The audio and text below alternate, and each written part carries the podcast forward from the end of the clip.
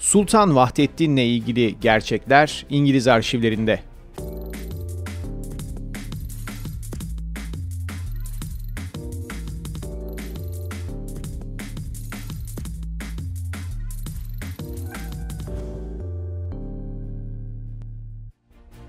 İngiliz Ulusal Arşivindeki gizli raporlar archive.org adresinde erişime açıldı. Dışişleri gizli raporları Türkiye'ye özel 301 dosya içeriyor. Bu dosyalardan en dikkat çekici olanı son padişah Vahdettin'in İngilizlerden olan taleplerinin detaylarını içeriyor. Sayfa numarası 580 olan dokümanda gizli ve özel ibareli bir telgraf yer almakta. Sir H. Rumbledon telgrafında şunlar yazıyor.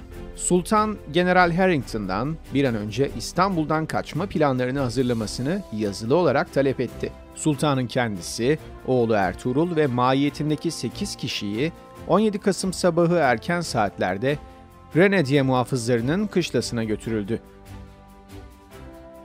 Oradan da HMS Malaya isimli gemiye götürülecekler.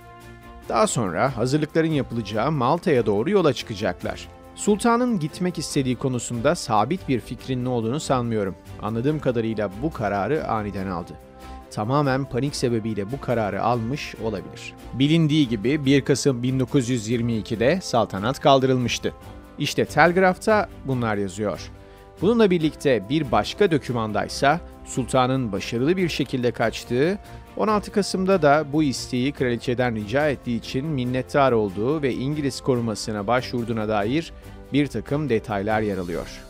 On binlerce sayfadan oluşan ve 8 GB boyutundaki bu döküman 300 civarında dosyaya sahip. İngilizler 1841-1957 yıllarındaki olayları listelemiş ve arşive koymuş. Bu arşiv daha önceden fiziki olarak açıktı. Arşivdeki bazı eserlerin ve belgelerin fotoğrafları çekilebiliyordu. Ancak talep edilen meblağ çok yüksekti.